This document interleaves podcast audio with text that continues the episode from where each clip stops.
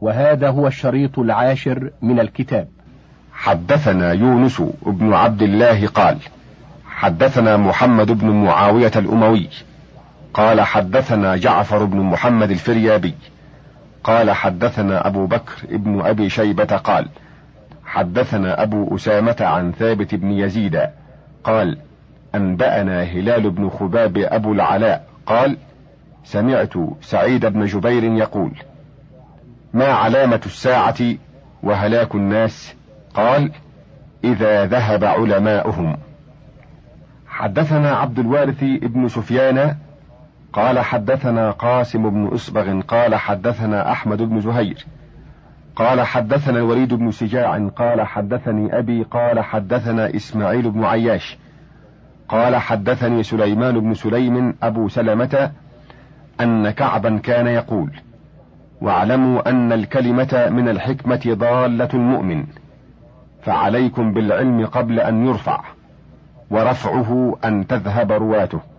قرأت على أحمد بن قاسم أن قاسم بن إصبغ حدثهم قال حدثنا الحارث بن أبي أسامة قال حدثنا يزيد بن هارون قال حدثنا محمد بن عبد الله الفزاري قال حدثنا عبيد الله بن زحر عن علي بن يزيد عن القاسم عن أبي أمامة قال قال رسول الله صلى الله عليه وسلم إن الله بعثني رحمة وهدى للعالمين وأمرني ربي أن أمحق المزامير والمعازف والخمر والأوثان التي كانت تعبد في الجاهلية وأقسم ربي بعزته. لا يشرب عبد الخمر في الدنيا إلا سقيته من حميم جهنم معذبا أو مغفورا له. ولا يدعها عبد من عبيدي تحرجا عنها إلا سقيته إياها من حظيرة القدس. قال أبو أمامة وقال رسول الله صلى الله عليه وسلم إن لكل شيء اقبالا وادبارا وإن لهذا الدين اقبالا وادبارا. وإن من إقبال هذا الدين ما بعثني الله به حتى أن القبيلة لتتفقه من عند أسرها. وأخبرنا عبد الوارث بن سفيان.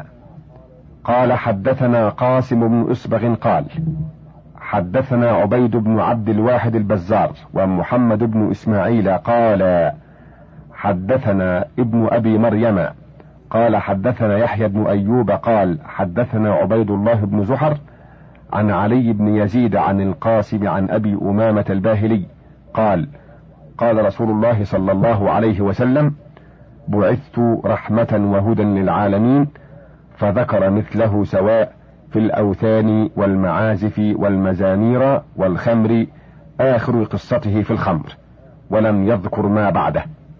أخبرنا عبد الوارث قال حدثنا قاسم قال أخبرنا أحمد بن زهير قال حدثنا هودة بن خليفة قال حدثنا عون الأعرابي عن رجل عن سليمان بن جابر عن ابن مسعود قال قال رسول الله صلى الله عليه وسلم تعلموا العلم وعلموه الناس وتعلموا الفرائض وعلموها الناس فإني امرؤ مقبوض وإن العلم سيقبض وتظهر الفتن حتى يختلف الاثنان في الفريضة لا يجدان أحدا يفصل بينهما.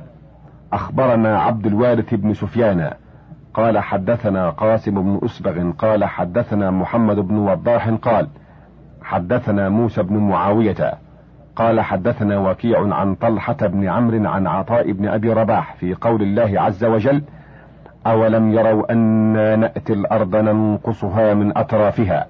قال ذهاب فقهائها وخيار أهلها. وذكره سنيد عن وكيع بإسناد مثله. وقال عكرمة والشعبي هو النقصان وقبض الأنفس. قال جميعا ولو كانت الأرض تنقص قال أحدهما لضاق عليك حشك وقال الآخر لضاق عليك حش تتبرز فيه الحش بفتح الحاء المهملة وضمها البستان وموضع قضاء الحاجة. وقال مجاهد نقصانها خراب خرابها وموت أهلها. وقال الحسن هو ظهور المسلمين على المشركين. وذكر قتادة في تفسير قول عكرمة والحسن عنهما على ما ذكرناه ولم يزد من رأيه شيئا. وقول عطاء في تأويل الآية حسن جدا يلقاه أهل العلم بالقبول وقول الحسن أيضا حسن المعنى جدا. وقال ابن عباس لما مات زيد بن ثابت من سره أن ينظر كيف ذهاب العلم فهكذا ذهابه. أخبرنا عبد الرحمن بن يحيى قال حدثنا علي بن محمد قال حدثنا أحمد بن أبي سليمان الحضرمي يقول سمعت دراجا أبا السمح يقول يأتي على الناس زمان يسمن الرجل راحلته حتى تعقر شحما ثم يسير عليها في الأمصار حتى تصير نقدا. يلتمس من يفتيه بسنة قد عمل بها فلا يجد إلا من يفتيه بالظن. وحدثنا خلف بن أحمد قال حدثنا أحمد بن سعيد قال حدثنا محمد بن أحمد قال حدثنا ابن وضاح قال حدثنا أبو نعيم قال حدثنا إبراهيم بن المبارك قال سمعت الحسن يقول لا عالم ولا متعلم طفئت والله. وروي عن ابن عباس أنه كان يقول لا يزال عالم يموت وأثر للحق يدرس حتى يكثر أهل الجهل وقد ذهب أهل العلم فيعملون بالجهل ويدينون بغير الحق ويضلون عن سواء السبيل. أخبرنا عبد الوارث بن سفيان قال حدثنا قاسم بن أسبغ قال حدثنا أحمد بن زهير قال حدثنا هارون بن معروف قال حدثنا حمزة عن ابن شوذب عن كثير بن زياد في تفسير الحديث لا يزداد الأمر إلا شدة قال ذهاب العلماء وهذا الحديث حدثناه أحمد بن عبد الله بن محمد قال حدثنا الميمون بن حمزة الحسيني بمصر قال حدثنا الطحاوي قال حدثنا المزني قال حدثنا الشافعي قال حدثنا محمد بن خلد الجندي عن إبان بن صالح عن الحسن عن أنس بن مالك عن النبي صلى الله عليه وسلم قال لا يزداد الأمر إلا شدة ولا الدنيا إلا إدبارا ولا الناس إلا شحا ولا تقوم الساعة إلا على شرار الناس ولا مهدي إلا عيسى بن مريم. وحدثنا عبد الوارث بن سفيان قال حدثنا قاسم بن اسبغ قال حدثنا أحمد بن زهير قال حدثنا عبد الوهاب بن نجدة الحوطي قال حدثنا تليد بن أعين عن أبي الصباح عبد الغفور عن عبد العزيز بن سعيد عن أبيه عن رسول الله صلى الله عليه وسلم قال خيار أمتي القرن الذي بعثت فيهم ثم الذين يلونهم. ثم لا يزداد الأمر إلا شدة. وحدثني أحمد بن فتح. قال حدثنا حمزة بن محمد قال حدثنا سليمان بن عبد الأعلى بن القاسم قال حدثنا حرملة بن يحيى. قال حدثنا ابن وهب. قال أخبرني عمرو بن الحارث أن دراجا أبا السمح حدثه عن ابن حجيرة عن أبي هريرة عن رسول الله صلى الله عليه وسلم قال سيأتي على أمتي زمان يكثر القراء ويقل الفقهاء ويقبض العلم ويكثر الهرج. قالوا وما الهرج يا رسول الله؟ قال القتل بينكم. ثم يأتي بعد ذلك زمان يقرأ القرآن رجال من أمتي لا يجاوز تراقيهم. ثم يأتي من بعد ذلك زمان يجادل المنافق الكافر المشرك بمثل ما يقول. أخبرنا عبد الوارث بن سفيان ويعيش بن سعيد قال أخبرنا قاسم بن اسبغ قال حدثنا بكر بن حماد حدثنا أبو حاتم بشر بن حجر قال حدثنا خالد بن عبد الله الواسطي عن حسين عن سالم بن أبي الجعد عن أبي الدرداء قال ما لي أرى علماءكم يذهبون وجهالكم لا يتعلمون. تعلموا قبل أن يرفع العلم. فإن رفع العلم ذهاب العلماء. ما لي أراكم تحرصون على ما قد توكل لكم به وتدعون ما وكل لكم به. لأن بشراركم أبصر من البياطرة بالخيل هم الذين لا يأتون الصلاة إلا دبرا ولا يسمعون القرآن إلا هجرا. حدثنا عبد الوارث حدثنا قاسم حدثنا أحمد بن زهير. حدثنا عبد الوهاب بن نجدة. حدثنا يحيى بن سعيد العطار عن عبد الغفار بن أبي خليدة البصري. عن رجل عن نعيم بن أبي هند. عن ربعي بن حراش. عن حذيفة قال إن القرن الأول من هذه الأمة على منهاج من لا يتهم. والقرن الثاني يظهر فيه الحيف والأثرة. والقرن الثالث يظهر فيهم الفساد وسفك الدماء. والقرن الرابع ينتقلون عن دينهم حتى يكون أعز كل قبيلة فاسقهم ومنافقهم وأذله عالمهم. وهذا أيضا ليس بالقوي. وروينا عن تمام بن نجيح قال كنت جالسا عند محمد بن سيرين إذ جاءه رجل فقال إني رأيت الليلة أن طائرا نزل من السماء على ياسمينة فنتف منها ثم طار حتى دخل في السماء. فقال ابن سيرين هذا قبض العلماء. قال فلم تمض تلك السنة حتى مات الحسن وابن سيرين ومكحول وستة من العلماء.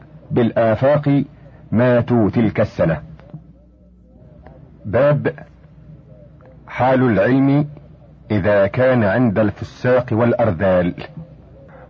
أخبرنا عبد الوارث بن سفيان قال أخبرنا قاسم بن أسبغ قال حدثنا محمد بن الهيثم قال حدثنا محمد بن عايد قال حدثنا الهيثم قال حدثنا حفص يعني ابن غيلان عن مكحول عن أنس بن مالك قال قيل يا رسول الله متى يترك الأمر بالمعروف والنهي عن المنكر؟ قال إذا ظهر فيكم ما ظهر في بني إسرائيل قبلكم. قيل وما ذاك يا رسول الله؟ قال إذا ظهر الإدهان في خياركم والفاحشة في شراركم وتحول الملك في صغاركم والفقه في أرذالكم. وأخبرنا عبد الوارث حدثنا قاسم حدثنا أحمد بن زهير حدثنا الحكم بن موسى حدثنا الهيثم بن حميد عن حفص عن مكحول عن أنس قال قيل يا رسول الله متى يترك الأمر بالمعروف والنهي عن المنكر؟ قال إذا ظهر فيكم ما ظهر في بني إسرائيل قبلكم. قالوا وما ذاك يا رسول الله؟ قال إذا ظهر الإدهان في خياركم والفاحشة في شراركم وتحول الملك في صغاركم والفقه في أرذالكم.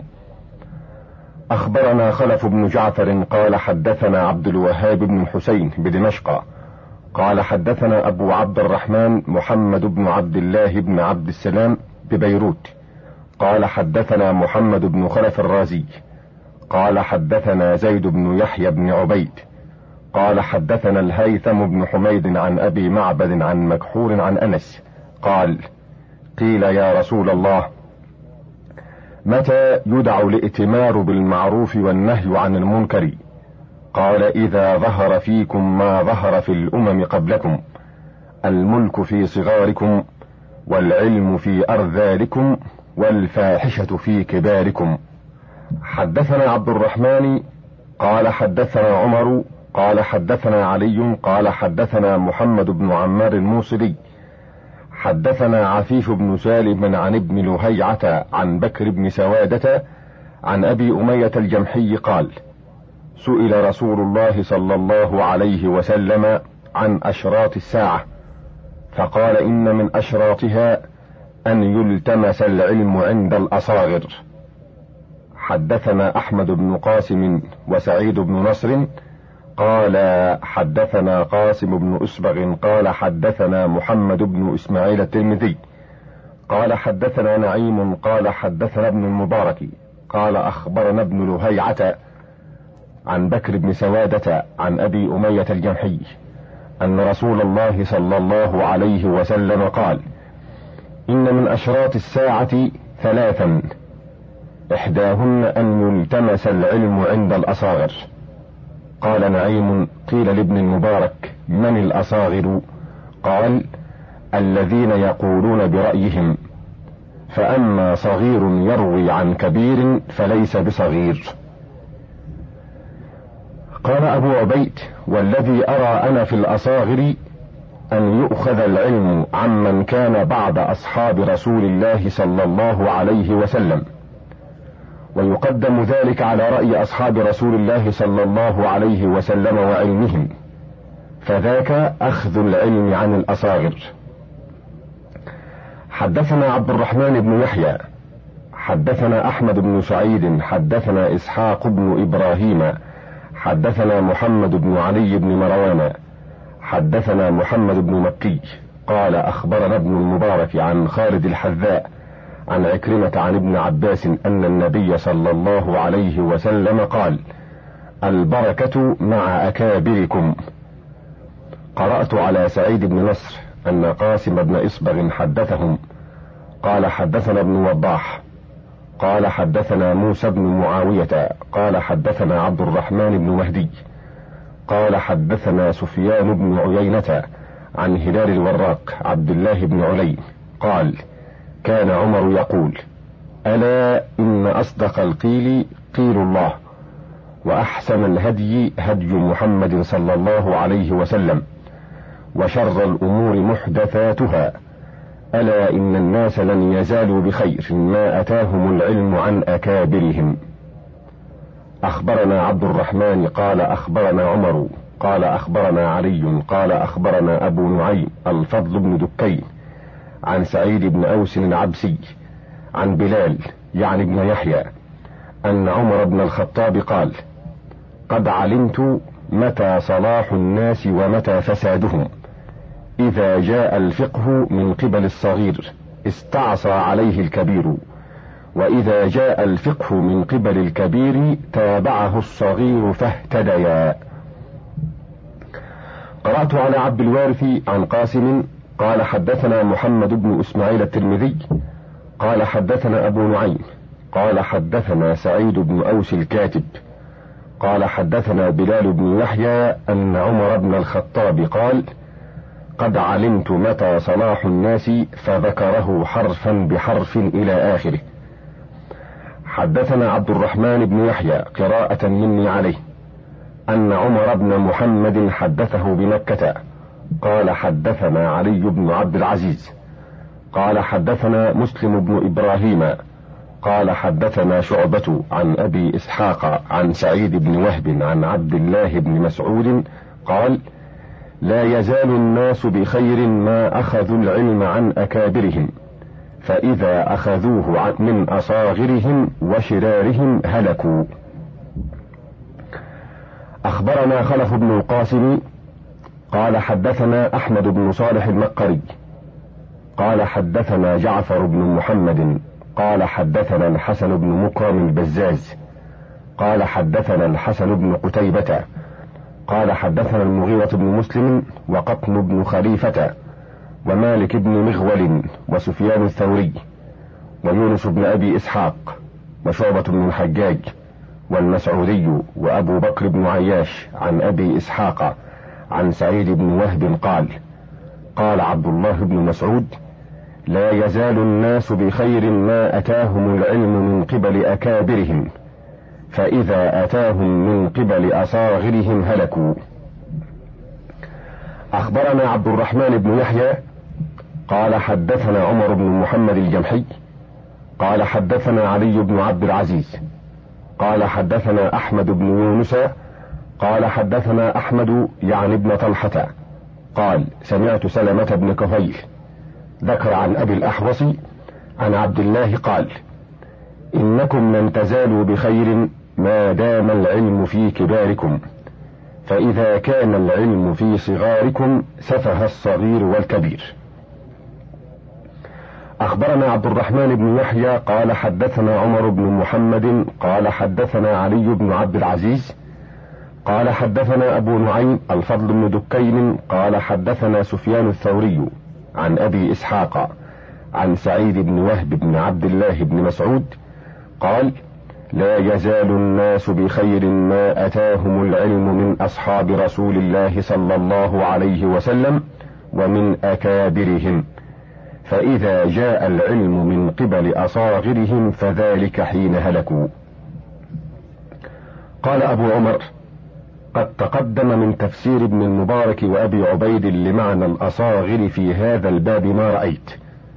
وقال بعض أهل العلم إن الصغير المذكور في حديث عمرو ما كان مثله من الأحاديث إنما يراد به الذي يستفتى ولا علم عنده.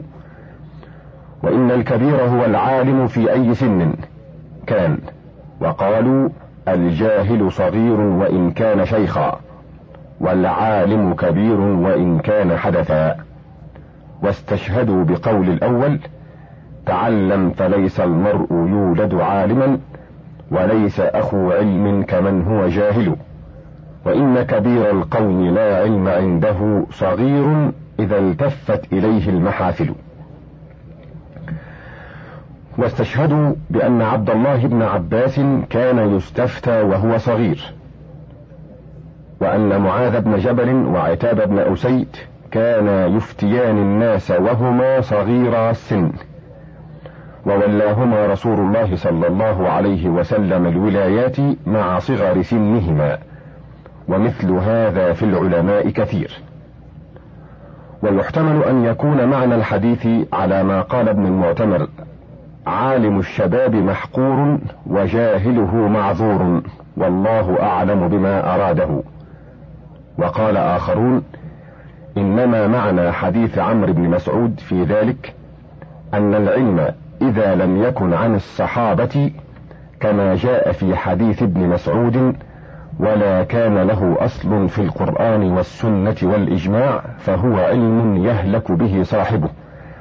ولا يكون حامله إماما ولا أمينا ولا مرضيا كما قال ابن مسعود. وإلى هذا نزع أبو عبيد رحمه الله ونحوه ما جاء عن الشعبي ما حدثوك عن أصحاب محمد؟ فشد عليه يديك. وما حدثوك به من رأيهم فبل عليه. ومثله أيضا قول الأوزاعي العلم ما جاء عن أصحاب محمد صلى الله عليه وسلم وما لم يجئ عن واحد منهم فليس بعلم. وقد ذكرنا خبر الشعبي وخبر الأوزاعي بآسانيدهما في باب معرفة ما يقع عليه اسم العلم حقيقة من هذا الكتاب والحمد لله. وقد يحتمل حديث هذا الباب أن يكون أراد أن حق الناس بالعلم والتفقه أهل الشرف والدين والجاه فإن العلم إذا كان عندهم لم تانف النفوس من الجلوس إليهم. وإذا كان عند غيرهم وجد الشيطان إلى احتقارهم السبيل وأوقع في نفوسهم أثرة الرضا بالجهل. أنفة من الاختلاف إلى من لا حسب له ولا دين وجعل ذلك من أشراط الساعة وعلاماتها ومن أسباب رفع العلم والله أعلم. أي الأمور أراد عمر بقوله فقد ساد بالعلم قديما الصغير والكبير ورفع الله درجات من أحب. وروى مالك عن زيد بن أسلم أنه قال في قول الله عز وجل نرفع درجات من نشاء قال بالعلم حدثنا خلف بن القاسم وعلي بن إبراهيم قال حدثنا الحسن بن رشيق قال حدثنا محمد بن رزين بن جامع قال حدثنا الحارث بن مسكين قال أخبرني ابن القاسم قال قال مالك بن أنس سمعت زيد بن أسلم يقول في هذه الآية نرفع درجات من نشاء قال بالعلم يرفع الله عز وجل من يشاء في الدنيا ومما يدل على أن الأصاغر ما لا علم عنده ما ذكره عبد الرزاق وغيره عن معمر عن الزهري. قال كان مجلس عمر مغتصا من القراء شبابا وكهولا فربما استشارهم ويقول لا يمنع أحدكم حداثة سنه أن يشير برأيه فإن العلم ليس على حداثة السن وقدمه ولكن الله يضعه حيث يشاء. حدثنا خلف بن قاسم حدثنا محمد بن القاسم بن شعبان قال حدثنا الحسين بن محمد قال حدثنا إسماعيل بن محمد قال حدثنا أحمد بن نصر بن عبد الله قال أخبرنا نصر بن رباب عن الحجاج عن مكحول قال تفقه الرعاع فساد الدين. وتفقه السفلة فساد الدنيا. حدثنا عبد الرحمن بن يحيى حدثنا أحمد بن سعيد حدثنا إسحاق بن إبراهيم بن نعمان حدثنا محمد بن علي بن مروان قال حدثني الأعشى قال سمعت الفريابي يقول كان سفيان إذا رأى هؤلاء النبط يكتبون العلم يتغير وجهه. فقلت له يا أبا عبد الله نراك إذا رأيت هؤلاء يكتبون العلم يشتد عليك. فقال كان العلم في العرب وفي سادات الناس. فإذا خرج عنهم وصار إلى هؤلاء يعني النبط والسفلة غير الدين. باب ذكر استعاذة رسول الله صلى الله عليه وسلم من علم من علم لا ينفع وسؤاله العلم النافع. حدثنا أحمد بن قاسم قال حدثنا محمد بن معاوية قال حدثنا أحمد بن الحسن الصوفي وحدثنا خلف بن القاسم قال حدثنا محمد بن جعفر قال حدثنا عبد الله بن محمد البغوي قال حدثنا أبو نصر النمار قال حدثنا محمد بن سلمة عن قتادة عن أنس أن رسول الله صلى الله عليه وسلم كان يقول اللهم إني أعوذ بك من علم لا ينفع ودعاء لا يسمع وقلب لا يخشع ونفس لا تشبع ومن الجوع فإنه بئس الضجيع. وأخبرنا محمد بن إبراهيم قال حدثنا محمد بن أحمد بن يحيى. قال حدثنا خيثمة بن سليمان. قال حدثنا هلال بن العلاء بن هلال. قال حدثنا أبي وعبد الله بن جعفر. قال حدثنا عبيد الله بن عمرو عن زيد بن أبي أنيسة عن يونس بن خباب. قال سمعت طاووسا يقول سمعت ابن عباس يقول كان رسول الله صلى الله عليه وسلم يقول اللهم إني أعوذ بك من علم لا ينفع ودعاء لا يسمع وقلب لا يخشع ونفس لا تشبع. اللهم إني أعوذ بك من هؤلاء الأربع. وأخبرنا خلف بن جعفر قال حدثنا عبد الوهاب بن الحسن الدمشقي. قال حدثنا عبد الله بن أحمد بن عتاب قال حدثني عيسى بن حماد في سنة ست وأربعين ومائتين قال أخبرنا الليث بن سعد عن سعيد بن أبي سعيد المقبري عن أخيه عباد بن أبي سعيد أنه سمع أبا هريرة يقول كان رسول الله صلى الله عليه وسلم يقول اللهم إني أعوذ بك من الأربع. من علم لا ينفع ومن قلب لا يخشع ومن نفس لا تشبع ومن دعاء لا يسمع. ومن حديث وكيع عن أسامة بن زيد عن محمد بن المنكدر عن جابر أن النبي صلى الله عليه وسلم قال سلوا الله علما نافعا وتعوذوا بالله من علم لا ينفع. حدثنا سعيد بن نصر قال حدثنا قاسم بن إسبغ. قال حدثنا محمد بن وضاح. قال حدثنا أبو بكر بن أبي شيبة. قال حدثنا وكيع فذكره بإسناده سواء. وحدثنا عبد الوارث بن سفيان. قال حدثنا قاسم قال حدثنا أبو بكر. قال حدثنا مسدد قال حدثنا أبو عوانة عن موسى بن أبي عائشة.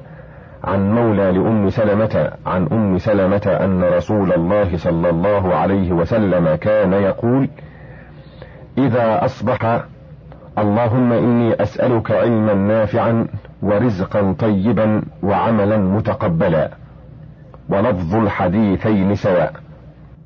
أخبرنا أحمد بن قاسم وسعيد بن نصر قال حدثنا قاسم بن أسبغ قال حدثنا محمد بن إسماعيل قال حدثنا نعيم بن حماد قال حدثنا ابن المبارك قال أخبرنا رجل من الأنصار عن يونس بن سيف قال حدثني أبو كبشة السلولي قال سمعت أبا الدرداء يقول إن من شر الناس عند الله منزلة يوم القيامة عالم لا ينتفع بعلمه. وذكر ابن وهب قال حدثني عثمان بن مقسم البري عن أبي هريرة أن رسول الله صلى الله عليه وسلم قال إن من أشد الناس عذابا يوم القيامة عالما لا ينفعه الله بعلمه. حدثنا عبد الرحمن بن يحيى قال حدثنا علي بن محمد قال حدثنا أحمد بن داود قال حدثنا سحنون قال حدثنا ابن وهب فذكره وهو حديث انفرد به عثمان البري لم يرفعه غيره وهو ضعيف الحديث معتزلي المذهب ليس حديثه بشيء. وروينا عن سلمان الفارسي أنه قال إن العلم لا ينفد فاتبع منه ما ينفعك. ويقال من لم ينفعه قليل علمه ضره كثيره. حدثنا عبد الوارث قال حدثنا قاسم قال حدثنا بكر بن حماد قال حدثنا بشر بن حجر قال حدثنا خالد بن عبد الله الواسطي عن إبراهيم بن أبي عياض عن أبي هريرة قال مثل علم لا ينفع كمثل كنز لا ينفق في سبيل الله وقال ابن المبارك حسبي بعلمي إن نفع ما الذل إلا في الطمع من راقب الله رجع عن سوء ما كان صنع ما طار شيء فارتفع إلا كما طار وقع. وحدثنا عبد الوارث قال حدثنا قاسم قال حدثنا أحمد بن زهير قال حدثنا الوليد بن شجاع قال حدثنا ابن وهب قال حدثني مالك وغيره. أن عبد الله بن سلام كان يقول لكعب ما ينفي العلم عن صدور العلماء بعد أن يعلموه؟ قال الطمع. وحدثنا عبد الوارث حدثنا قاسم حدثنا أحمد بن زهير حدثنا هارون حدثنا حمزة عن كثير قال كان مكحول يقول اللهم انفعنا بالعلم وزينا بالحلم وجملنا بالعافية. وحدثنا عبد الوارث حدثنا قاسم حدثنا أحمد بن زهير أبو الفتح قال سفيان يعني ابن عيينة ليس شيء أنفع من علم ينفع وليس شيء أضر من علم لا ينفع. وقال علي بن أبي طالب رضي الله عنه إنما زهد الناس في طلب العلم ما يرون من قلة الانتفاع من علم بما علم. وأنشد أبو عبد الله إبراهيم بن عرفة نفطويه لمحمود بن الحسن الوراق إذا أنت لم ينفعك علمك لم تجد لعلمك مخلوقا من الناس يقبله. وإن زانك العلم الذي قد حملته وجدت له من يجتنيه ويحمله.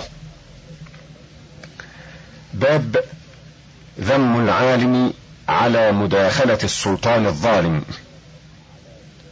قرأت على أبي عثمان سعيد بن نصر أن قاسم بن إصبغ حدثه قال حدثنا ابن وضاح وأحمد بن يزيد قال حدثنا موسى بن معاوية قال حدثنا ابن مهدي.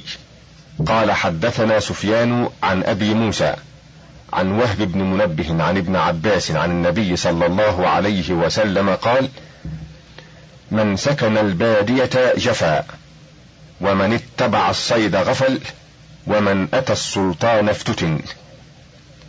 حدثنا سعيد قال حدثنا قاسم قال حدثنا ابن وضاح قال حدثنا أبو بكر بن أبي شيبة قال حدثنا وكيع عن سفيان عن أبي موسى عن ابن عباس قال قال رسول الله صلى الله عليه وسلم من بدا جفا ومن اتبع الصيد غفل.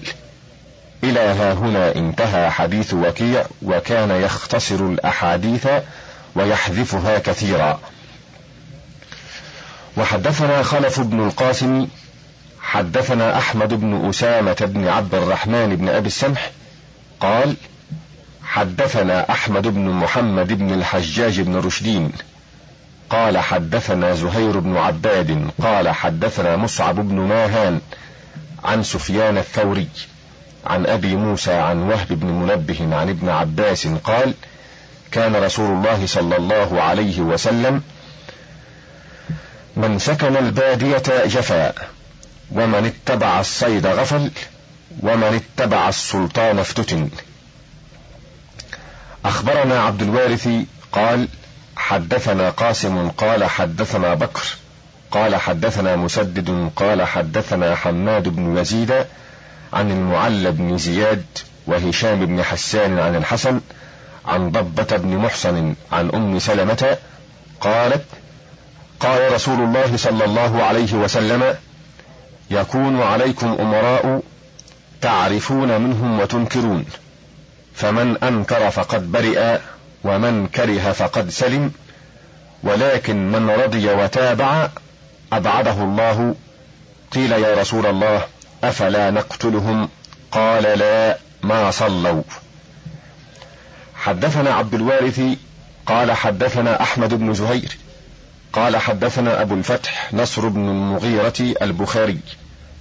قال سفيان بن عيينة. قال أبو حازم وجدت الدنيا شيئين. فتكلم بكلام طويل ذكره ابن أبي خيثمة. قال سفيان فقال الزهري إنه جاري ما كنت أرى أن هذه عنده. فقال أبو حازم لو كنت غنيا لعرفتني. إن العلماء كانوا يفرون من السلطان ويطلبهم وإنهم اليوم يأتون أبواب السلطان والسلطان يفر منهم.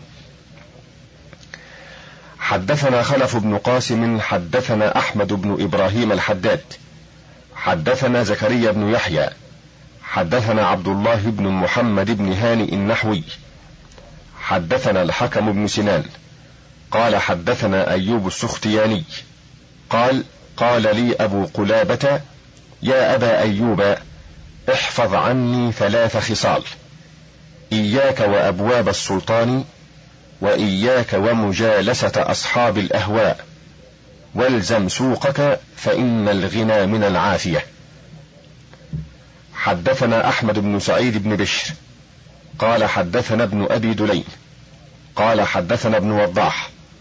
قال حدثنا صالح بن عبيد قال سمعت عبد الرحمن بن مهدي يقول عن حماد بن زيد قال قال ابن عون كان الرجل يفر بما عنده من الأمراء جهده فإذا أخذ لم يجد بدا أخبرنا عبد الوارث قال حدثنا قاسم قال أحمد بن زهير قال حدثنا أبو مسلم عن سفيان قال تخبرون عن الزهري قال كنا نكرهه حتى أكرهنا عليه فلما أكرهونا عليه بذلناه للناس. وذكر كشوري قال حدثنا عبد الله بن أبي غسان قال حدثنا علي بن أبي سالم قال حدثنا أبو محمد بكر بن محمد الليثي قال سمعت سفيان يقول في جهنم واد لا يسكنه إلا القراء الزوارون للملوك. حدثنا خلف بن قاسم قال حدثنا أبو الميمون محمد بن عبد الله العسقلاني بعسقلان قال حدثنا هارون بن عمران قال حدثنا محمد بن داود البصري قال لما ولي إسماعيل بن علية على العشور أو قال على الصدقات كتب إلى عبد الله بن المبارك يستمده برجال من القراء يعينونه على ذلك. فكتب إليه عبد الله يا جاعل العلم له بازيا يصطاد أموال المساكين احتلت للدنيا ولذاتها بحيلة تذهب بالدين فصرت مجنونا بها بعدما كنت دواء للمجانين أين رواياتك فيما مضى؟ عن ابن عون وابن سيرين ودرسك العلم بآثاره وتركك أبواب السلاطين.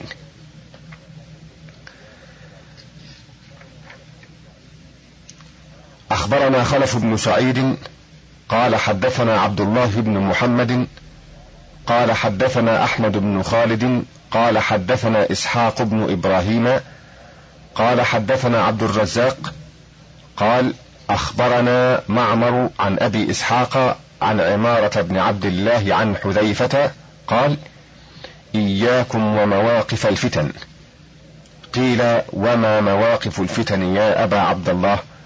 قال أبواب الأمراء. يدخل أحدكم على الأمير فيصدقه بالكذب ويقول له ما ليس فيه. قال وأنبأنا معمر عن قتادة عن ابن مسعود قال إن على أبواب السلاطين فتنا كمبارك الإبل والذي نفسي بيده لا يصيبون من دنياهم شيئا إلا أصابوا من دينكم مثله أو قالوا مثليه. وقال وهب إن جمع المال وغشيان السلطان لا يبقيان من حسنات المرء إلا كما يبقي ذئبان جائعان ضاريان سقطا في حضار فيه غنم فباتا يجوسان حتى أصبحا. وهذا المعنى قد روي عن النبي صلى الله عليه وسلم من حديث أبي موسى الأشعري أنه قال ما ذئبان جائعان أرسلا في حظيرة غنم بأفسد لها من حب المال والشرف لدين المرء أو نحو هذا من قوله صلى الله عليه وسلم. وروى عبد الرزاق عن أبيه قال قلت لوهب بن منبه كنت ترى الرؤيا فتخبرناها فلا تلبث أن تراها كما وصفت. قال ذهب ذلك عني مذ وليت القضاء. قال عبد الرزاق حدثت معمرا بهذا الحديث فقال والحسن مذ ولي القضاء لم يحمد. وأخبرنا خلف بن القاسم قال حدثنا أبو طالب محمد بن زكريا ببيت المقدس قال حدثنا إبراهيم بن معاوية القيساراني قال حدثنا محمد بن يونس الفريابي قال سمعت سفيان الثوري يقول كان خيار الناس وأشرافهم والمنظور إليهم في الدين الذين يقومون إلى هؤلاء فيأمرونهم وينهونهم يعني الأمراء. وكان آخرون يلزمون بيوتهم ليس عندهم ذلك فكانوا لا ينتفع بهم ولا يذكرون ثم بقينا حتى صار الذين يأتونهم فيأمرونهم شرار الناس والذين لزموا بيوتهم ولم يأتوهم خيار الناس. حدثنا أحمد بن محمد بن هشام. قال حدثنا علي بن عمر بن موسى القاضي. قال حدثنا الحسن بن عبد الله العسكري. قال حدثنا محمد بن إسماعيل بن سلمة العطار. قال حدثنا أحمد بن عبد الحكم القزاز. قال حدثنا محمد بن زياد عن ميمون بن مهران عن ابن عباس قال قال رسول الله صلى الله عليه وسلم صنفان من أمتي إذا صلحا صلح الناس الأمراء والفقهاء. وحدثنا أحمد قال حدثنا علي قال حدثنا الحسن قال حدثنا شيبان بن فروخ قال حدثنا محمد بن زياد عن ميمون بن مهران عن ابن عباس عن النبي صلى الله عليه وسلم قال صنفان من أمتي إذا صلحا صلحت الأمة وإذا فسدت فسدت الأمة السلطان والعلماء. قال أبو عمر ها هنا والله أعلم. قال الفضيل لو أن لي دعوة مجابة لجعلتها في الإمام.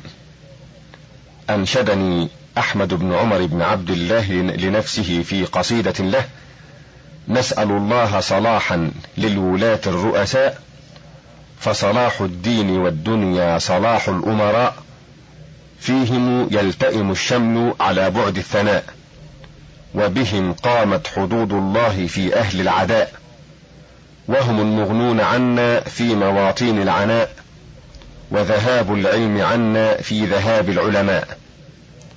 فهم أركان دين الله في الأرض الفضاء فجزاهم ربهم عنا بمحمود الجزاء.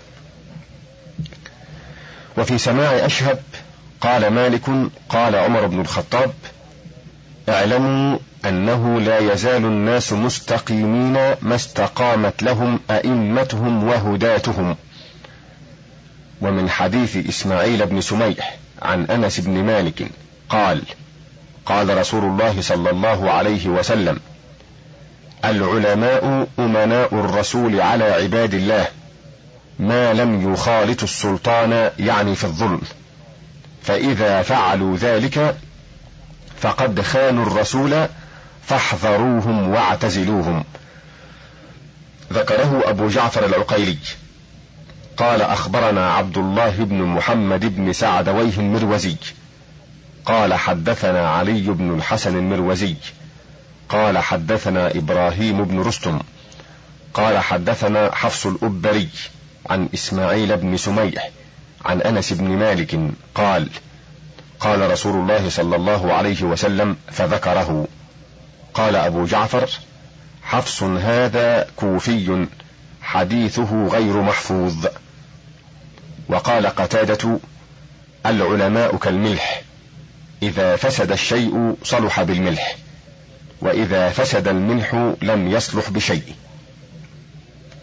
وقيل للأعمش يا أبا محمد قد أحييت العلم بكثرة من يأخذه عنك فقال لا تعجبوا فإن ثلثا منهم يموتون قبل أن يدركوا وثلثا يلزمون السلطان فهم شر من الموتى ومن الثلث الثالث قليل من يفلح.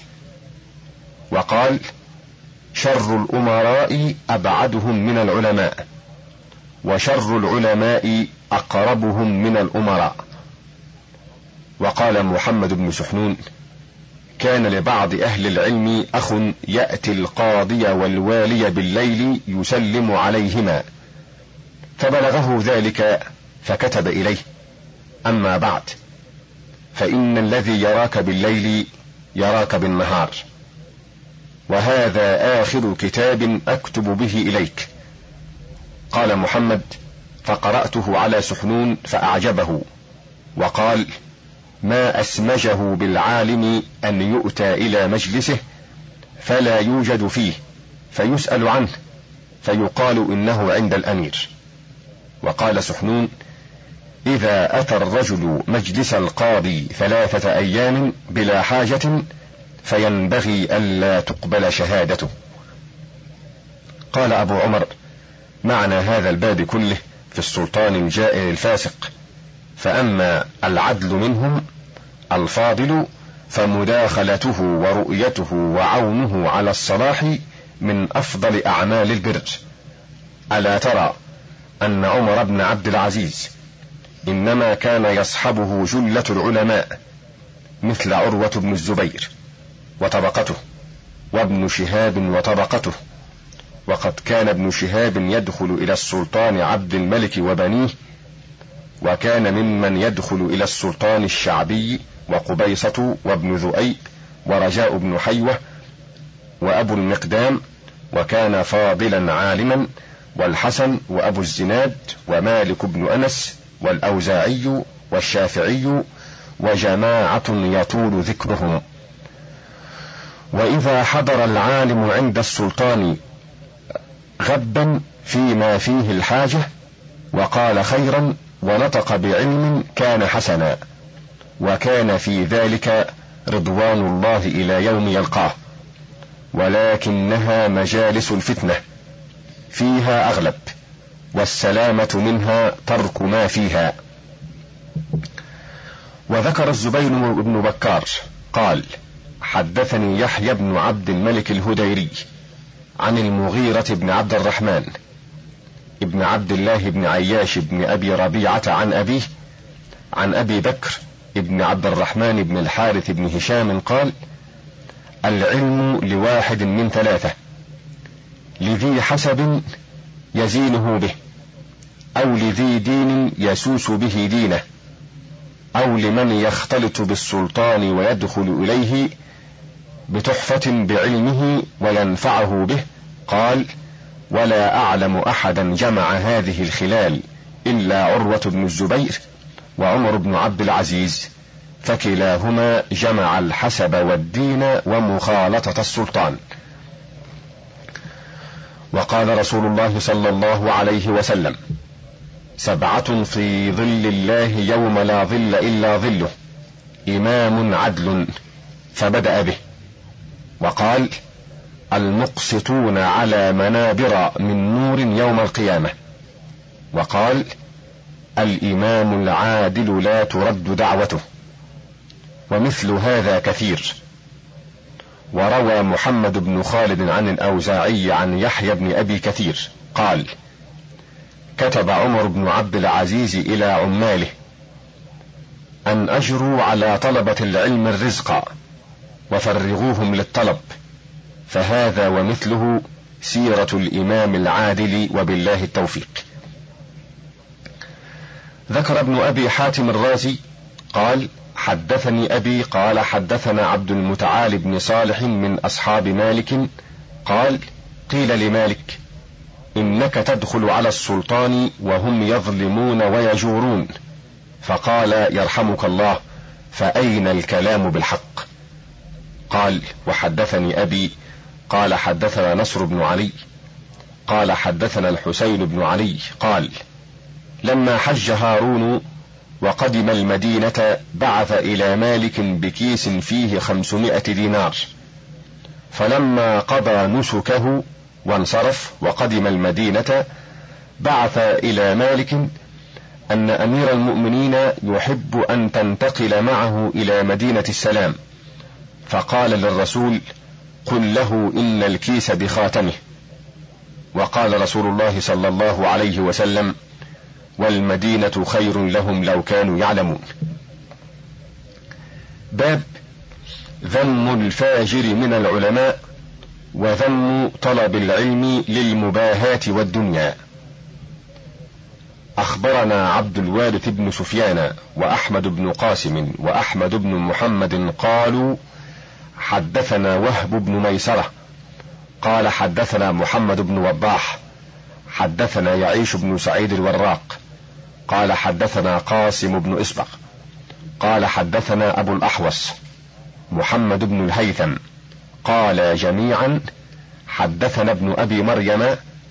قال حدثنا يحيى بن أيوب عن ابن جريج. عن أبي الزبير عن جابر قال قال رسول الله صلى الله عليه وسلم لا تعلموا العلم لتباهوا به العلماء ولا لتماروا به السفهاء ولا لتحتازوا به المجالس فمن فعل ذلك فالنار النار. وهذا الوعيد لمن لم يرد بعلمه شيئا من الخير والله يغفر لمن يشاء ويعذب من يشاء. قرأت على سعيد بن نصر أن قاسما حدثهم قال حدثنا ابن وضاح قال حدثنا أبو بكر بن أبي شيبة عن معاوية البصري وكان ثقة عن نهشل عن الضحاك بن مزاحم عن الأسود قال قال عبد الله بن مسعود لو أن أهل العلم صانوا علمهم ووضعوه عند أهله لسادوا به أهل زمانهم. ولكنهم بذلوه لأهل الدنيا لينالوا به من دنياهم فهانوا على أهلها. سمعت نبيكم صلى الله عليه وسلم يقول من جعل الهموم هما واحدا كفاه الله هم آخرته ومن تشعبت به الهموم في أحوال الدنيا لم يبال الله في أي أوديتها وقع. حدثني أحمد بن قاسم قال حدثنا قاسم بن أسبغ قال حدثنا محمد بن إسماعيل قال حدثنا نعيم بن حماد قال حدثنا ابن المبارك قال أخبرنا زائدة بن قدامة وكان من خيار الناس قال حدثني عبد الرحمن بن معمر الأنصاري عن محمد بن يحيى بن حبان قال حدثني رجل من أهل العراق. إنهم مروا على أبي ذر فسألوه يحدثهم. فقال لهم تعلمن أن هذه الأحاديث التي يبتغى بها وجه الله تعالى لا يتعلمها أحد يريد بها عرض الدنيا أو قال لا يريد بها إلا عرض الدنيا فيجد عرف الجنة أبدا. قال عبد الله بن المبارك عرفها ريحها. وبإسناده عن ابن المبارك قال حدثنا سليمان التيمي عن سيار عن عائذ الله قال من يبتغي العلم أو قال الأحاديث ليحدث بها لم يجد ريح الجنة. وذكره أبو بكر بن أبي شيبة. عن يزيد بن هارون عن التيمي عن سيار عن عائذ الله قال الذي يبتغي الأحاديث ليحدث بها لا يجد ريح الجنة. قال أبو عمر عائذ الله هو أبو إدريس الخولاني اسمه عائذ الله بن عبد الله. أخبرنا أحمد بن عبد الله بن محمد أن أباه حدثه قال حدثنا عبد الله قال حدثنا بقي قال حدثنا أبو بكر قال حدثنا أبو أسامة عن سفيان عن يزيد عن مكحول قال من طلب الحديث ليماري به السفهاء أو ليباهي به العلماء أو ليصرف به وجوه الناس فهو في النار. حدثنا عبد الوارث بن سفيان قال حدثنا قاسم بن إسبغ قال حدثنا مقدام بن داود بن عيسى بن تليت قال حدثنا علي بن معبد حدثنا عبد الرحمن قال حدثنا علي قال حدثنا أحمد قال حدثنا سحنون قال حدثنا ابن وهب عن عبد الله بن عياش عن يزيد بن فوضر قال يوشك أن ترى رجالا يطلبون العلم فيتغايرون عليه كما يتغاير الفساق على المرأة هو حظهم منه. أخبرنا أحمد بن سعيد بن بشر قال حدثنا ابن أبي دليم قال حدثنا ابن وضاح قال حدثنا أبو الفضل صالح بن عبيد قال حدثنا سعيد بن عامر الضبعي سيد أهل البصرة غير مدافع عن صالح بن رستم أبي عامر الخزاز عن أيوب السختياني قال قال لي أبو قلابة إذا أحدث الله لك علما فأحدث له عبادة ولا يكن همك أن تحدث به. حدثنا سعيد بن نصر قال حدثنا قاسم بن اسبغ قال حدثنا ابن وضاح قال حدثنا موسى بن معاوية قال حدثنا عبد الرحمن بن مهدي قال حدثنا سفيان الثوري عن يزيد بن أبي زياد عن إبراهيم عن علقمة عن عبد الله بن مسعود قال كيف أنتم إذا لبستم فتنة يربو فيها الصغير ويهرم الكبير وتتخذ سنة مبتدعة يجري عليها الناس فإذا غير منها شيء قيل قد غيرت السنة. قيل متى ذاك يا أبا عبد الرحمن؟ قال إذا كثر قراؤكم وقل فقهاؤكم وكنز أمراؤكم وقل أمناؤكم والتمست الدنيا بعمل الآخرة.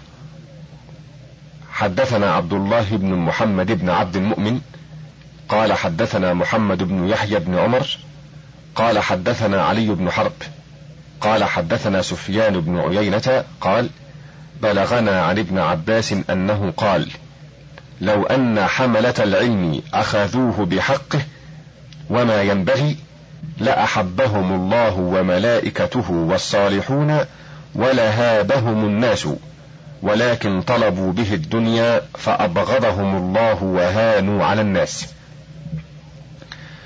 وذكر عمر بن شيبة قال حدثنا حماد بن واقد قال حدثنا أبو حازم قال قدم هشام بن عبد الملك المدينة فاجتمع إليه فقهاء الناس وإلى جنبي الزهري فقال لي الزهري يا أبا حازم ألا تحدث الناس بعض أحاديثك؟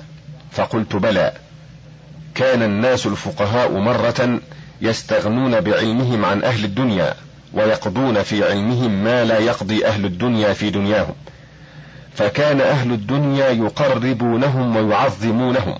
على ذلك فأصبح العلماء اليوم يبذلون علمهم لأهل الدنيا رغبة في دنياهم. فلما رأى أهل الدنيا موضع العلم عند أهله زهدوا فيه وازدادوا رغبة في دنياهم. كان يقال أشرف من العلماء من هرب بدينه عن الدنيا واستصعب قياده على الهوى. انتهى الوجه الثاني وللكتاب بقية على الشريط التالي.